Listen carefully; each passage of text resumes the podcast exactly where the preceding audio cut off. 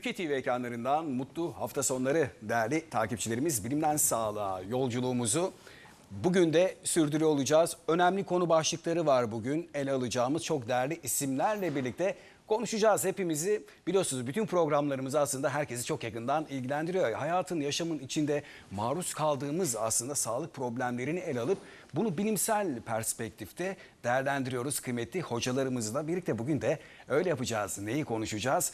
Ee, Değerli e, takipçilerimiz biraz obeziteyi konuşacağız ve egzersizi. E, kalp damar hastalıkları bağlamında biraz daha ele alacağız. Çünkü e, ölüm oranlarında Türkiye'de ve dünyada kalp damar hastalıklarına bağlı ölüm oranları gerçekten çok yüksek. Hatta ilk sıralarda bunu konuklarıma soracağım. Gerçekten öyle mi? Obezite 5. sırada obeziteye bağlı ölüm oranları Türkiye'de, dünyada e, böyle bir istatistik var. Obezite ve egzersiz arasında nasıl bir ilişki var? Nerede hata yapıyoruz? Çok fazla kilo alıyoruz. Niçin kilolarımızla yaşamak zorunda kalıyoruz? Hangi egzersizleri? Kişiye özel egzersizler var. Onları yapabilirsek, başarabilirsek aslında e, obeziteden uzak bir yaşamı e, sağlayabileceğimizi hocalarımız söylüyor. Literatür böyle ifade ediyor. İşte bunların hepsini konuşacağız. Kimlerle? Hemen konuklarımı takdim etmek istiyorum. Üsküdar Üniversitesi NP İstanbul Beyin Hastanesi'nden kardiyoloji uzmanı Profesör Doktor Mehmet Baltalı aynı zamanda Üsküdar Üniversitesi Tıp Fakültesi öğretim üyesi. Şerefler verdiniz hocam. Çok teşekkür ederim. Sağ olun. Çok Hoş geldiniz. Hoş. Hocamın e, önemli değerlendirmeleri olacak. Biraz beslenme ile ilgili de kardiyolojik bağlamda obezite ile ilgili beslenmelerde nelere dikkat ediyor olmak lazım? Nerelerde hata yapıyoruz? Nasıl bir yaşam standardı bizi bu ve benzeri sorunlardan koruyacak? Önemli tiyolar da verecek hocam. Birazdan Teşekkür soracağız ederim. sizler için.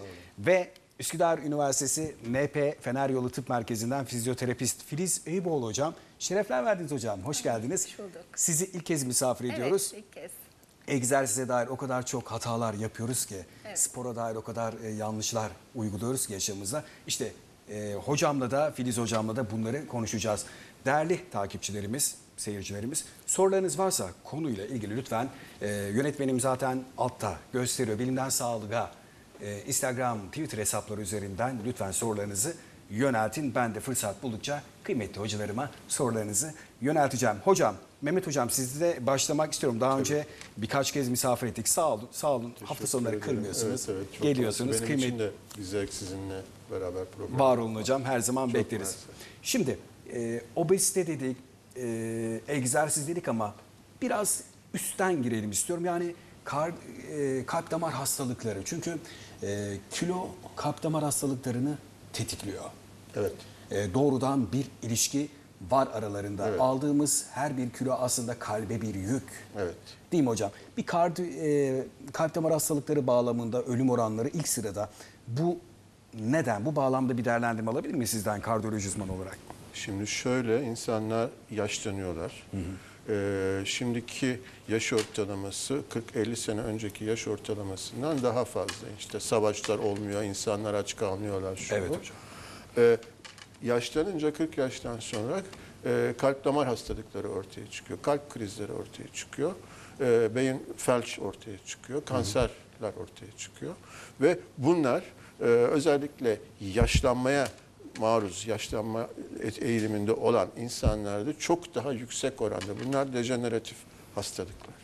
Yani çok daha fazla insan 30-40 sene öncesine göre çok daha yüksek oranda insan kalp krizinden vefat ediyor. Çok daha yüksek oranda felç görüyoruz, kanser görüyoruz, şu bu.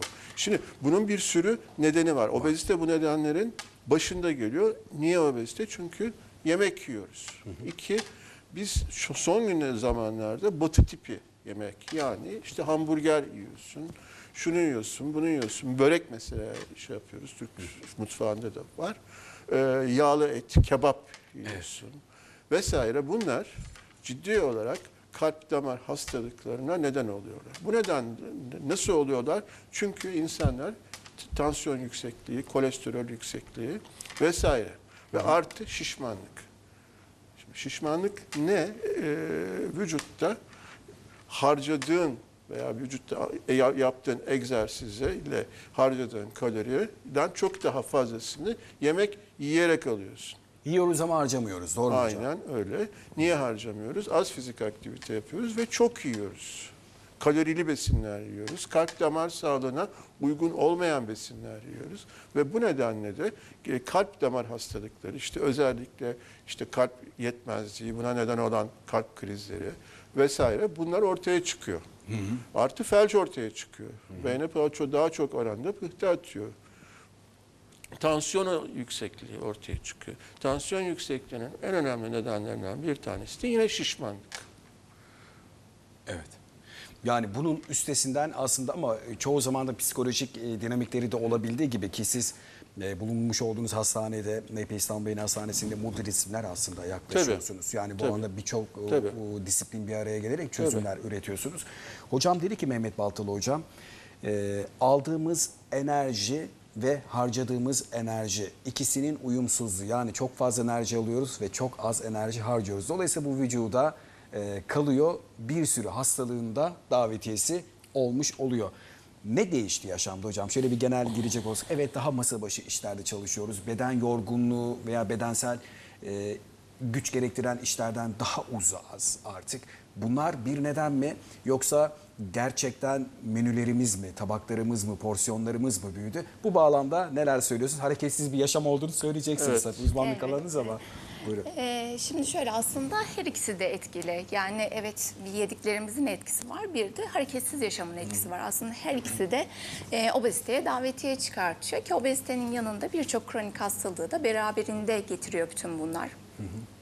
Aslında bizim genetik olarak da bir hareketli yatkınlığımız var.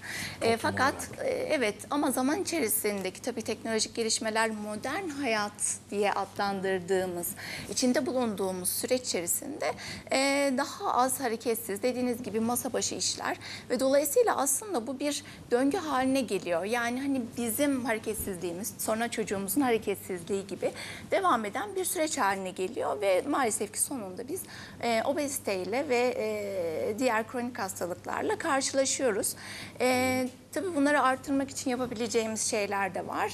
E, bu obezite ve e, bu e, aktivite azlığında aslında birazcık da şuna da değinmek lazım. Bazen de e, sorduğumuzda özellikle aktivite konusunda ya da egzersiz konusunda hastalara da sorduğumuzda egzersiz yapıyor musunuz? Evet işte hani ben her yere yürüyerek gidiyorum. E, işte aslında hareketli bir yaşantım var. Burada bir şunun altını çizmek lazım. Aslında evet aktivite düzeyimizi yüksek tutmamız gerekiyor. Gün içerisinde çokça aktif olmamız gerekiyor. Bunu bir cebe koyacağız ama bunun yanında egzersiz de yapmamız lazım. Egzersiz ve aktivite aslında birbirinden e, iç içeymiş gibi gözüken fakat egzersizde daha planlı, programlı, düzenli olarak yaptığımız e, bir aktivite oluyor egzersiz aslında. Biz bu aktivite düzeyini artırmanın yanında e, egzersiz programlarını da günlük yaşantı içerisinde e, maalesef ki yeterince yapmıyoruz. Egzersiz e, sınıflandırması biraz daha şey mi hocam? Daha disiplinize edilmiş Evet. ve programlanmış evet, fo- evet, formu mu? Evet, daha programlanmış. Yani biz şu anda işte bardağı elimden kaldırdım, kalktım, burada oturdum. Aslında hepsi birer aktivite. Yani enerji harcadığımız her şey aslında aktivitenin içerisine giriyor. Fakat egzersiz konusu olunca daha çok işte tekrar sayılarının ya da sürenin ya da haftalık yaptığımız zamanın önemli olduğu bir aktiviteye dönüşüyor. Daha disiplinli olan kısmına geçmiş oluyoruz. Ee, aktivitenin yanında bu programı da eklememiz gerekiyor. Peki hocam girişte e, dü- dünya aslında dünyanın problemi olduğunu söyledik Türkiye'de. Tabii. Bu aslında beslenme, hareketsiz yaşam e, tüm dünyanın problemi. Sağlıktaki iyileşmelere ve gelişmelere bakıyoruz. Erken tanı, teşhis, tedavi var ama yine de bir takım şeyleri aşamıyoruz. Bir yerlerde takılıyoruz. Tabii, tabii. Bu bağlamda bir değerlendirme rica edebilirim. Şimdi yani nedene yönelik. Şimdi şöyle bir, bir şey söyleyeyim. Mesela Afrika'yı aç biliyorsunuz değil mi? Afrika aç değil yani. Afrika'da dünyadaki obezitenin en çok arttığı kıta Afrika. Ciddi bir şey bu şey Dünya Sağlık Örgütü'nün şeyi bu. Verileri. Tabii tabii. Ondan sonra en çok yani Türkiye mesela çok ciddi oranda, oranda obezite artmış. Mesela biz derdik ki mesela Ege bölgesi, Ege bölgesi e, işte Ege şey Akdeniz türü gıdayla besleniyor. Tamam da Akdeniz türü gıdayla artık beslenmiyor Ege'lilerde. Mesela biz Giritler veya Yunanlar işte dünyanın Giritler en uzun yaşayan e, şeyi olarak bilirdik insanları.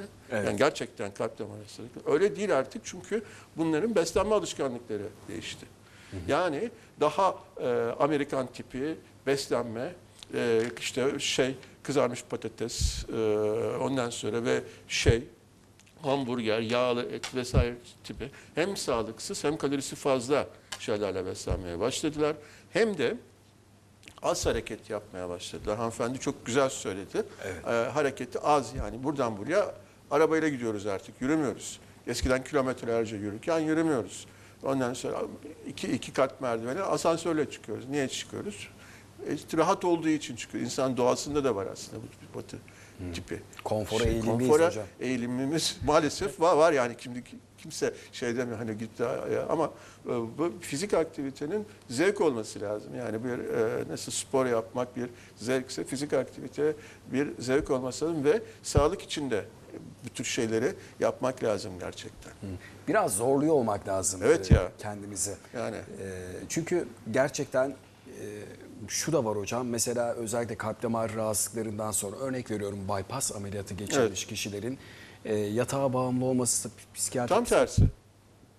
Tam tersi yani bypass'tan sonra tabii nekaat dönemine şey tutuyor. Yeni bir hayat aslında değil mi hocam? Yeni Hayır, yani şimdi bypass ne işe yarıyor? Sizin damarlarınızın yani kalbin iskemik bölgesine, kan gitmeyen bölgesine kan yani yeniden doğmuş gibi oluyorsun Evet. bypass'tan sonra. Şimdi hani nekaat dönemini bir yana tutuyorum. O ayrı bir şey. O çok a- ayrı yani işte toparlanması şusu busu. Çünkü büyük bir ameliyat şey mediasteni şey yapıyorlar falan. Ee, tamam ondan sonra ama insanın stent takıldıktan sonra da aynı şekilde kalp krizi geçirdikten sonra da aynı şekilde veya kalp krizi demeyeyim de stent bypass insanların en azından kalp yetmezliği olmadığı müddetçe ciddi bir şey. Ee, onların eskiden yeniden doğmuş gibi olması lazım. Yeniden tekrar hani ben bir şey yapmayayım mantığı çok yanlış bir mantık. Tam tersi. Ama doktor gözetiminde. Yani gideceksiniz, doktora bakacak. Siz eskisi gibi eğer ciddi bir şey var ise, eskisi gibi olmuş ise vesaire or- orada yeniden bir hayata başlayın. Doktorun söylediği çerçeve dahilinde e, fizik aktiviteyi yapmak lazım.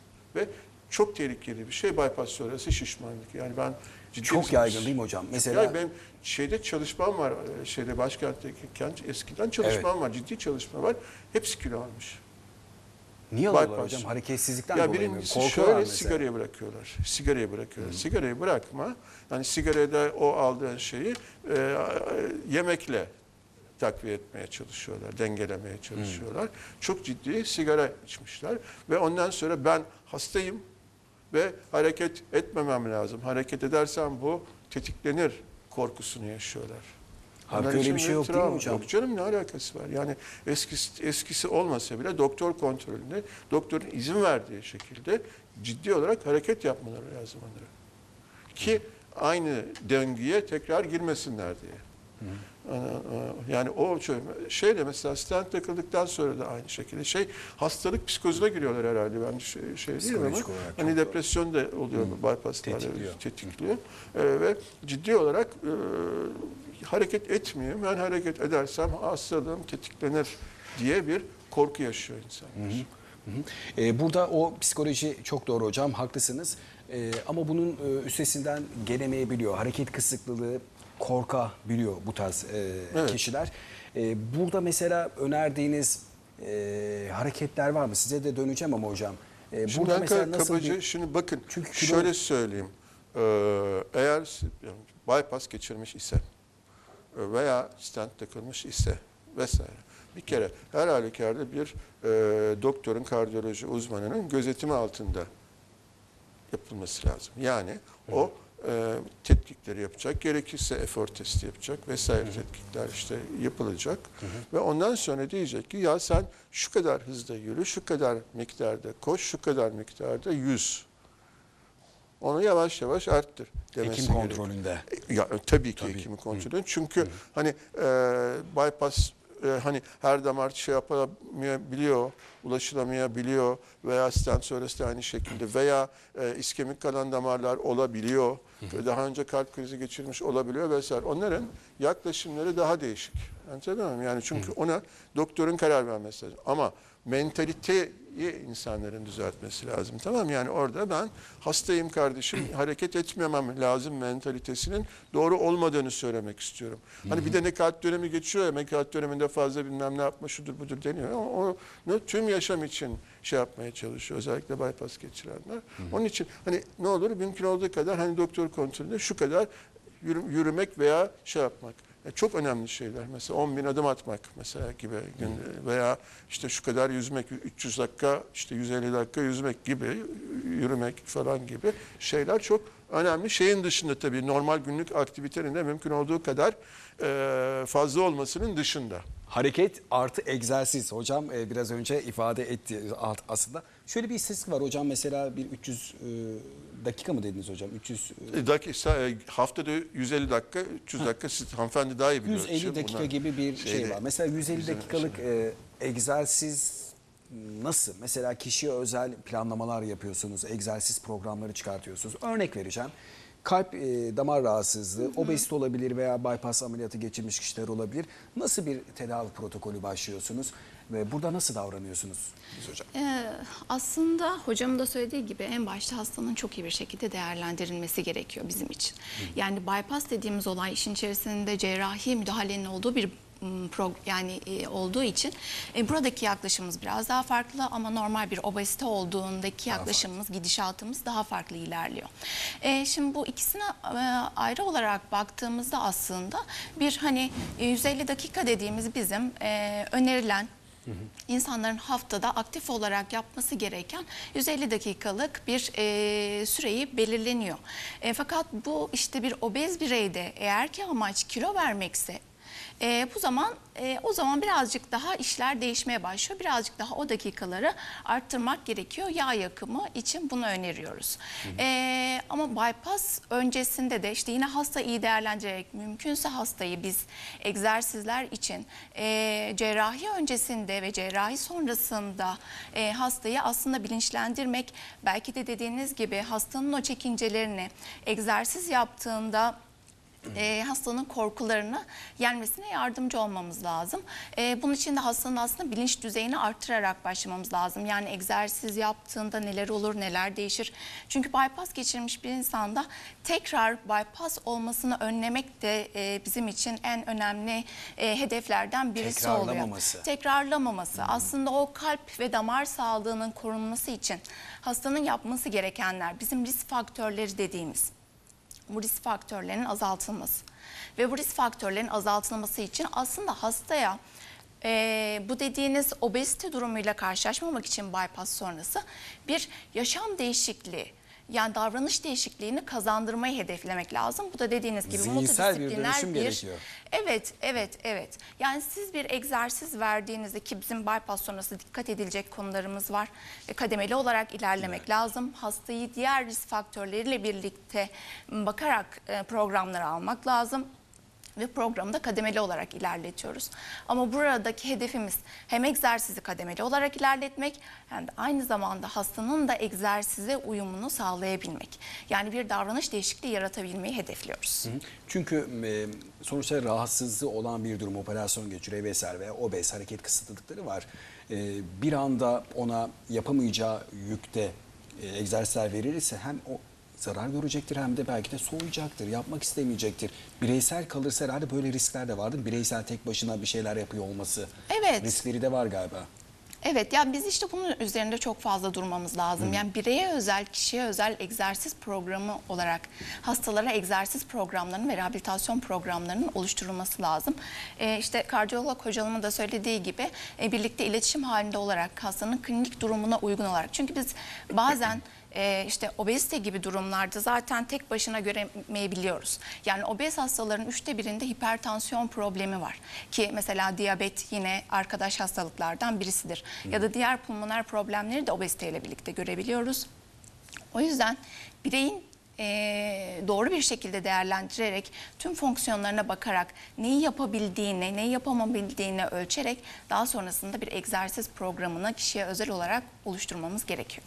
Hocam elimde bir not var. Sosyal medyadan da sorular var. Onları da yönelteceğim tabii. size ama e, not diyor ki düzenli yürüyüşler sayesinde kalpte tıkalı damarların yanında yan dalların oluştuğu bilimsel olarak kanıtlanmıştır gibi bir ifade var. Düzenli yürüyüşler sayesinde e, damarlar tıkalı veya tıkanmaya eğilimli olan damarların açılıyor olması mümkün mü? Hayır.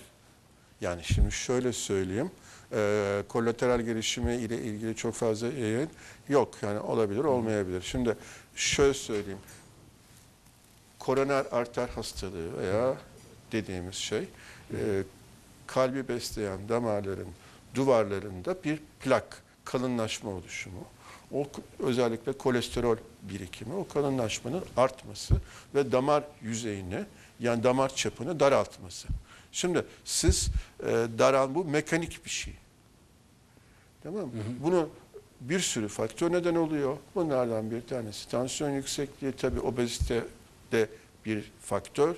Ee, onun neden olduğu tansiyon yüksekliği, şeker hastalığı, ailesel faktörler, sigara içimi e, vesaire, kolesterol vesaire. Tamam.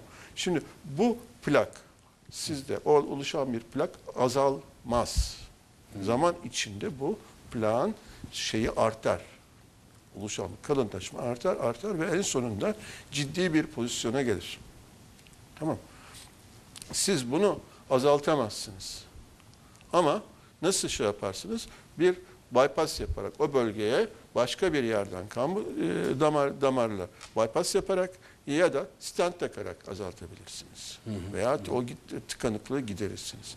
Ama bu bütün kalbi yani kalpteki birkaç damarı da etkileyen bir şey olduğu için bu bir yığılma etkisi. Zam- Yani ne kadar insan yaşlanıyorsa o kadar daha fazla oranda tıkanıklık, darlık olma olasılığı var. Anlatabiliyor muyum? Evet ha, hocam. kolateral gelişimine yürüyüş daha fazla şey yapabilir. Çünkü oradaki iskemik veya o bölgeye ama bu yürüyüşün de yani e, aa ben de tıkalı damar var. Ben yürüyeyim de geçeyim söz konusu değil. Bir kere o damar, o tıkalı damarın, o iskemik, kalp, e, kan gitmeyen damarın bir şekilde açılması lazım. Operasyon, gerekiyor. Operasyon veya operasyon demeyelim ama bir şekilde müdahale. Eğer müdahale yapılamıyorsa e, şey yapılır. Ama şey olarak, mantık olarak doğru. Hani e, yürüyüş yaptığınız zaman o iskemi artacağı için ki çok kötü bir şey bir şey değil o. Ama onun doktor kontrolünde yapılması lazım. Oradaki kolateral gelişimi artabilir. Öyle yayınlar tabii var tabii. O mantıklı bir şeydi aslında. Anlatabiliyor muyum? Yani, ama siz de iskemiyi provoke etmeyin. Bir de o var. Yani ikinci bir faktör. Aa bende bir iskemik bölge var. Bir- benim bir damarım tıkalı. Hadi yürüyeyim de burada damara kolateral açılsın. Hani e, bunun doktor kontrolünde yapılması gerekir. Yoksa hani e, siz devamlı olarak iskemi ağrıyı provoke ederseniz sıkıntı doğurabilir. Anlatabiliyor muyum? Evet hocam.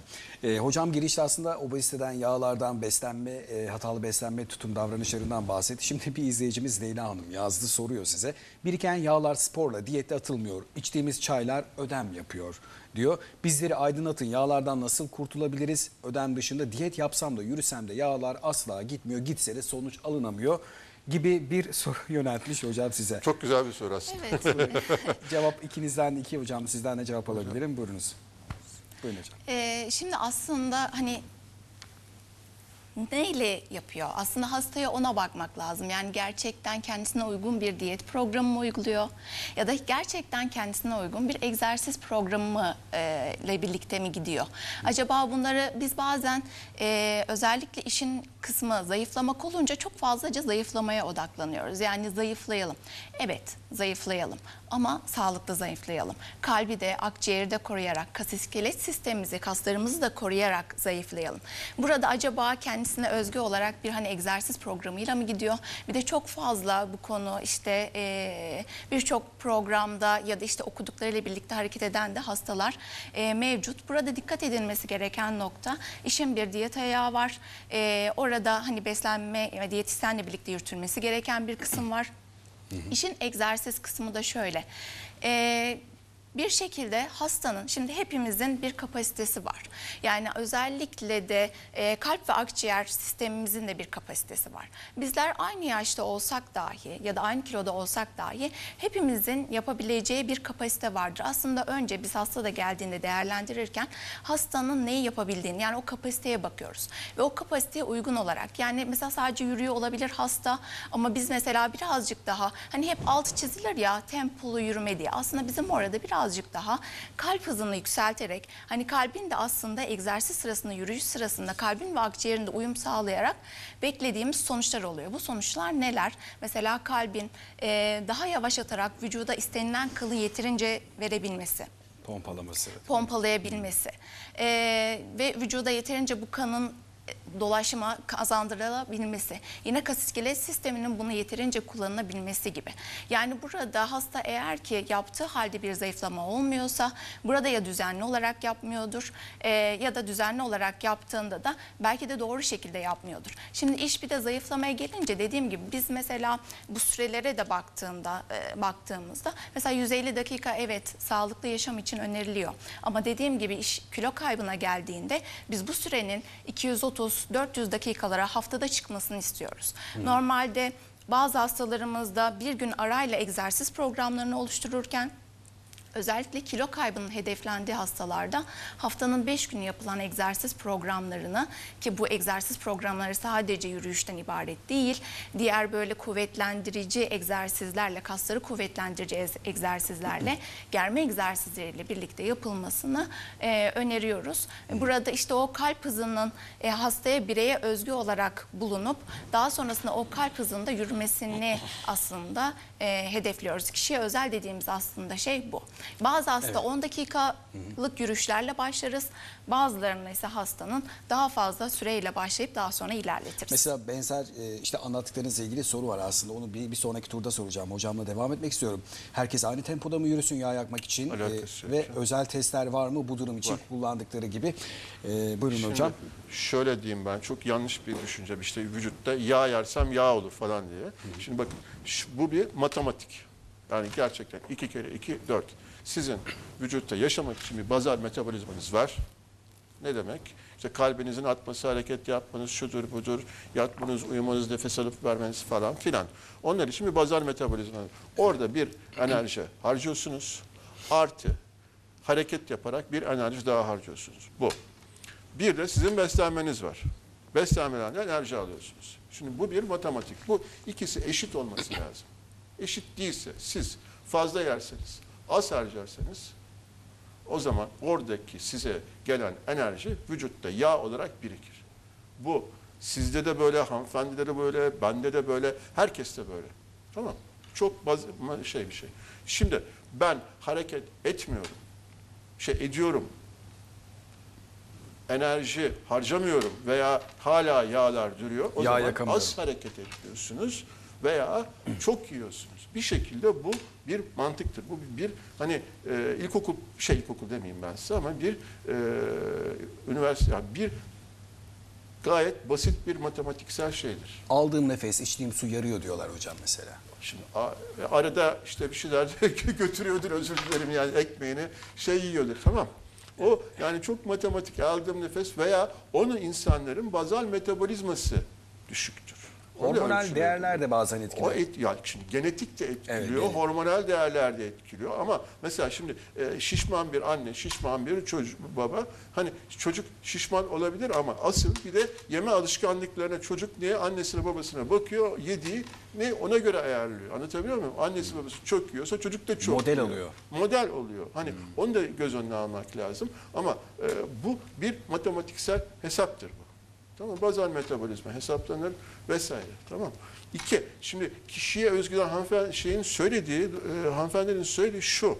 Kişiye özgü bir insan, şimdi biz e, effort testi yapılıyor. Evet. Gayet screening, basit bir test. Effort testi yaparken biz EKG'de çekiyoruz. işte vesaire treadmill testi.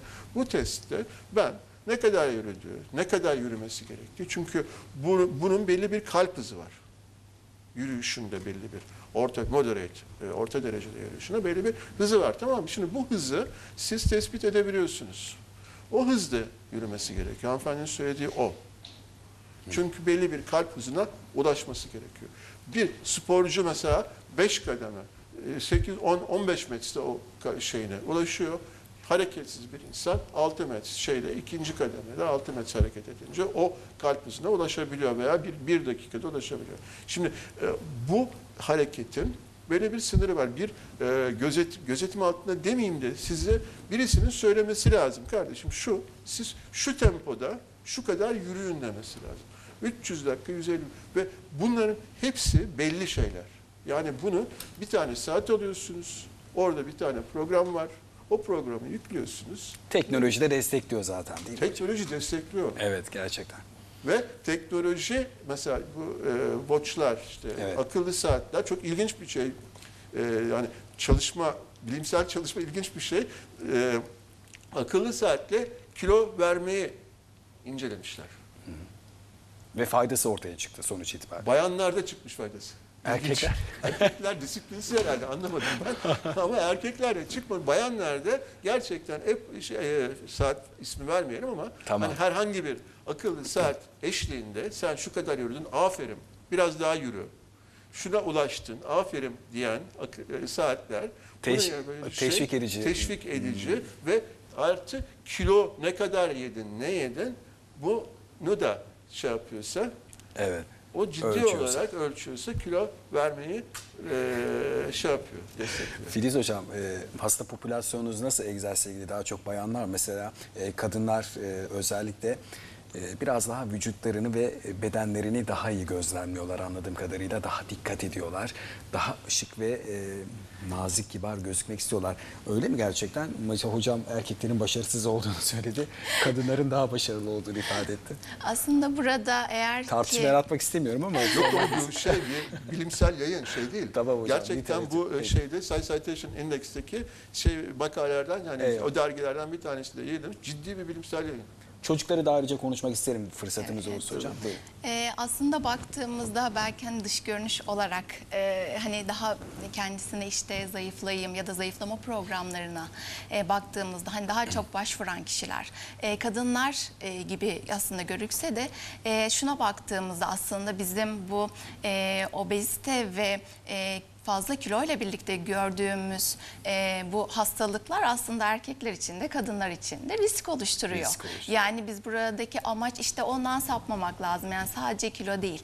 Yani buradaki hedef sağlıklı kalabilmek. Yani kilo dediğimiz olay bizim aslında vücuttaki yağ oranımızın kas kütlemimize oranla çok daha fazla olduğu durum. Biz aslında kilo artışını fiziken görüyoruz. Ama özellikle bu bel çevresindeki yağların oranının fazla olması çok daha risk oluşturuyor. Bu yüzden de Onları e, aslında göremiyoruz fiziksel olarak. Ee, ya aslında ölçüm yani bel çevre ölçümleriyle birlikte e, bakıyoruz. Yani erkeklerde 102 santimin üzerinde, bayanlarda ise 88 santimin üzerinde e, çok da bel çevresinin artmasını istemiyoruz. Dolayısıyla hani burada sadece böyle bölgesel hani zayıflamalar konusunda bakarken e, şeye de dikkat etmek lazım. Aslında buradaki hedef e, sadece zayıflamak değil hem erkekler hem de kadınlar için sağlıklı kilo vermek ve sağlıklı kalabilmek. Yani bunun hem öncesinde e, kilo almadan önce işte korumak, e, olduktan sonra bu kiloyla nasıl baş edilir ve nasıl verilir, nasıl egzersiz yapılır buna bakmak ve sonrasında da tekrar kilo almamak için e, korumak Tabii, için tabii. her iki cinsiyeti de aslında Haklı ilgilendiriyor. çünkü şöyle bir şey var. Yani e, şimdi zayıflamak başka bir şey. Ya başka bir şey değil mi? Bir parça bütün ama sağlıklı olmak başka bir şey. Sağlıklı olmak nedir? Birincisi uzun yaşamak için gerekli besinleri gerekli miktarda almak, gerekli fiziksel aktiviteyi yapmak. Tamam? Ee, bu ve gerekli kiloya sahip olmak. Yani şimdi artık öyle bir hal aldık ki şimdi sizin ne yedi, yediğiniz her gıdanın kalp damar sağlığına veya felç olmasına veya kansere etkisi biliniyor. Burada sizin yapabileceğiniz şey sağlıklı gıdalarla yeterli miktarda beslenmek. Tamam mı?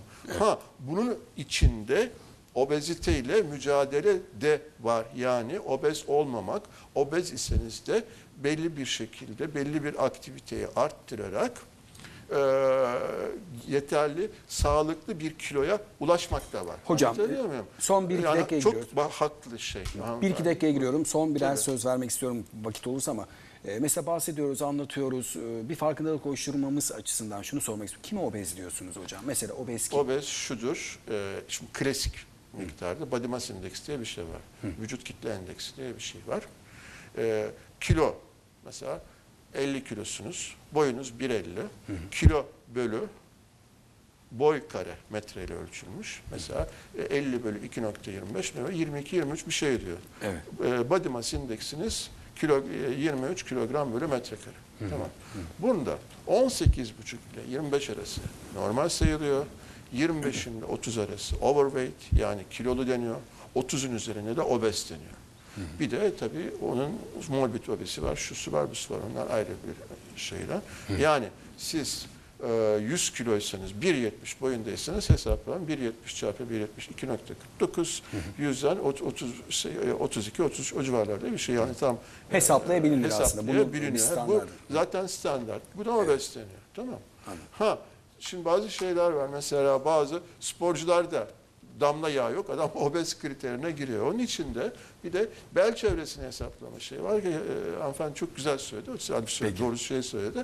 88'in üzeri bayanlar ama yani Türk milleti obez bir de o var yani. Ee, Bizim hocam şeyden- son bir sözü sizden alacağım. Ee, NP Fener Yolu Tıp Merkezi'nde güzel bir kompleksiniz var Evet, egzersiz üzerine. evet. Onu biliyorum. Defne Hoca'nı da zaman zaman alıyoruz burada misafir. Kendisi de anlatıyor. Son olarak e, neler söyleriz uyarıda hem e, bilgilendirici ve e, dikkat etmeleri konusunda? Evet, e, şimdi egzersiz konusu özellikle obezitede, egzersizde hastaların kesinlikle bilinçli bir şekilde egzersiz yapması gerekiyor. Aslında birçok sağlıklı insanın da baktığımızda gerçekten bu egzersiz programlarının altını çizerek vurguluyorum. Kişiye özel olarak yapması lazım. Yani biz bir yürüdüğümüzde dahi bizim hepimizin vücudunun uyum gösterdiği, kalbin, akciğerin uyum gösterdiği farklı şeyler var. Dolayısıyla ilk önce bir değerlendirme yapıp hastanın iyi bir şekilde kardiyolojik muayenelerinin yapılıp, Yapılıp. daha sonrasında bize geldiğinde de hastanın işte aerobik kapasitesi, kassal olarak kuvveti ne durumda? E, eşlik eden başka hastalıkları var mı? Hasta egzersiz yapıyor mu? Yapmaya meyilli mi? Bütün bu faktörlerin göz önünde bulundurarak hastaya özel olarak Tamam. bir program çizmemiz gerekiyor. Teşekkür bunu Yönetmenim sıkıştırdım sizi biraz. Peki. Kusura- Profesör Doktor Mehmet Baltalı Üsküdar Üniversitesi Fakültesinden NP İstanbul Beyin Hastanesi kardiyoloji uzmanı ve Üsküdar Üniversitesi NP Fener Yolu Tıp Merkezi'nden fizyoterapist Filiz Eyüpoğlu. Çok kıymetli paylaşımlarınız. Teşekkür ediyorum. İyi ki varsınız. Her zaman bekliyoruz sizi. Yarın saatler 11.10'u gösterdiğinde Uğur Can Bolat bu ekranlarda sizlerle olacak. Hoşçakalın efendim.